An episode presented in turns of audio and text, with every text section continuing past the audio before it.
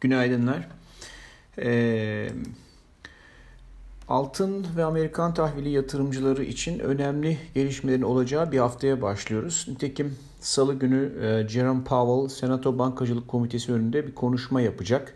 Ee, koronavirüs yardım kurtarma ve ekonomik yasasını içerecek olan bir konuşma bu. Yani temelinde e, Covid-19'dan ekonominin e, ne kadar toparlanmasını, ne şartlar altında toparlanmasını beklediklerini anlatacağı bir e, konuşma olacak. Tabii ki bunun içinde ekonominin gidişatı, e, faizlerin gidişatı ile ilgili e, önemli konulara girecektir mutlaka. E, ayrıca çarşamba akşamı FED toplantı tutanakları açıklanacak.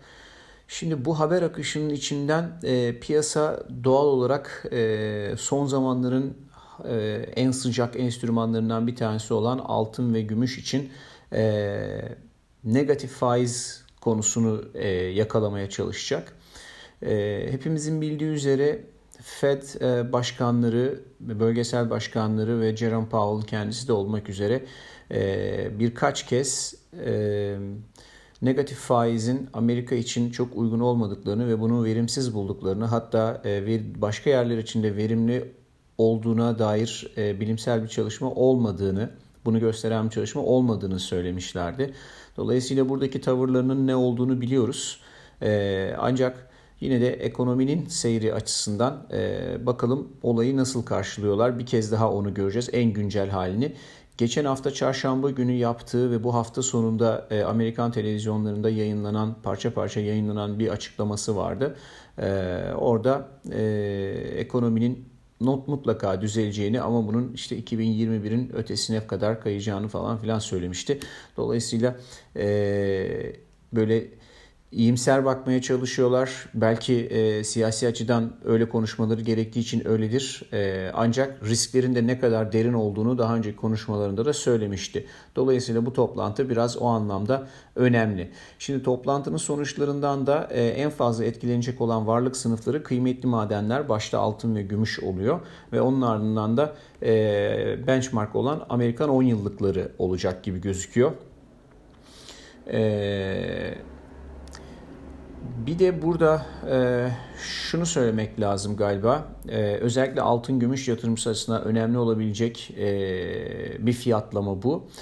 Gösterge kabul edilen enflasyona endeksli Amerikan 10 yıllık tahvil getirisinin getirisine baktığımızda bu getiri bir süredir negatif bölgede. E, yeni bir şey değil.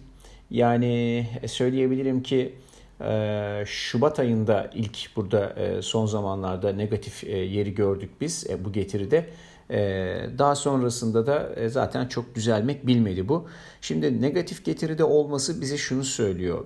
Yani bu illa herkes bunu alacak değil ama göstergenin negatife geçmesi, getirisinin negatife geçmesi altın taşımanın maliyetinin artık minimal olduğunu Dolayısıyla e, altın alanların alternatif maliyetlerinin son derece düşük olduğunu gösteriyor. O yüzden de biraz altına son zamanlarda ETF'ler bazında baktığımızda e, fazlaca pa- para girişi var. Hatta rekor seviyede.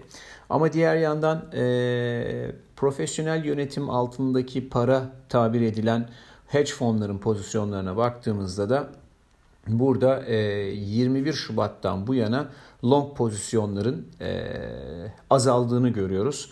Ve hatta üstüne üstlük 27 Nisan'dan itibaren yani e, short longların azalmasından bir ay sonrasından itibaren de short pozisyonlarda arttığını görüyoruz.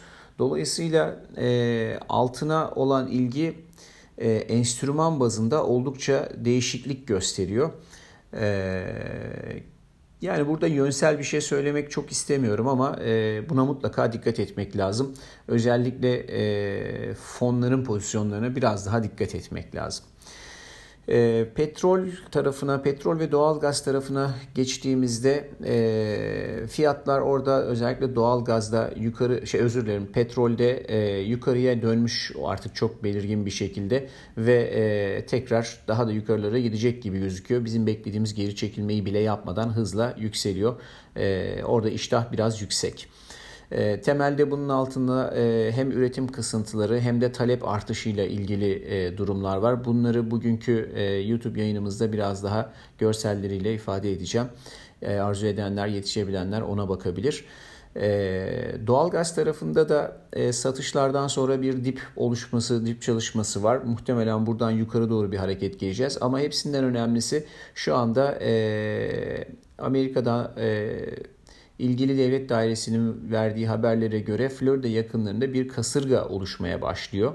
Henüz bu kasırganın e, petrol dağıtım hatlarının bulunduğu e, Körfez bölgesine veya do, aynı şekilde doğalgaz için de geçerli e, ulaş, ulaşıp ulaşmayacağına dair bir haber yok. Ama e, daha önce bu tür durumlarda e, kasırganın bu dağıtım hatlarına zarar verdiği e, vereceği durumlarda fiyatlarda çok ciddi yükselişler olmuştu. O yüzden oradan gelecek bu tür haberlere karşı e, gözlerimiz açık orayı izliyoruz.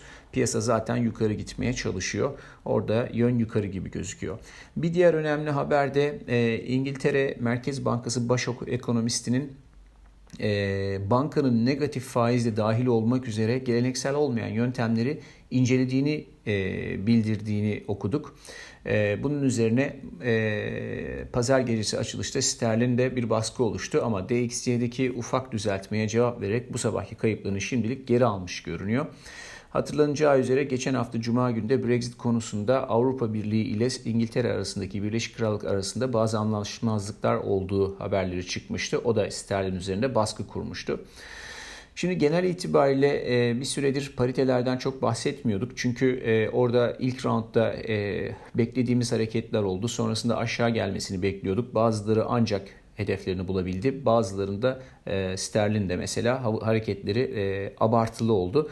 Ancak şöyle genel olarak e, G7 paralı birimlerine baktığımızda burada e, son haftalarda e, fiyat hareketinin belirli bant aralığı içerisinde baskılandığını görüyoruz ve Bollinger bantlarının iyice daraldığını görüyoruz. Bu teknik olarak şunu işaret işaret eder.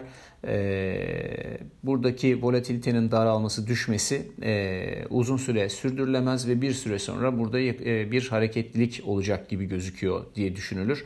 Dolayısıyla e, majör paritelerde e, bu hafta veya belki de önümüzdeki hafta bir takım hızlı hareketler beklemekte fayda var. E, bugünlük bu kadar. Herkese iyi seanslar.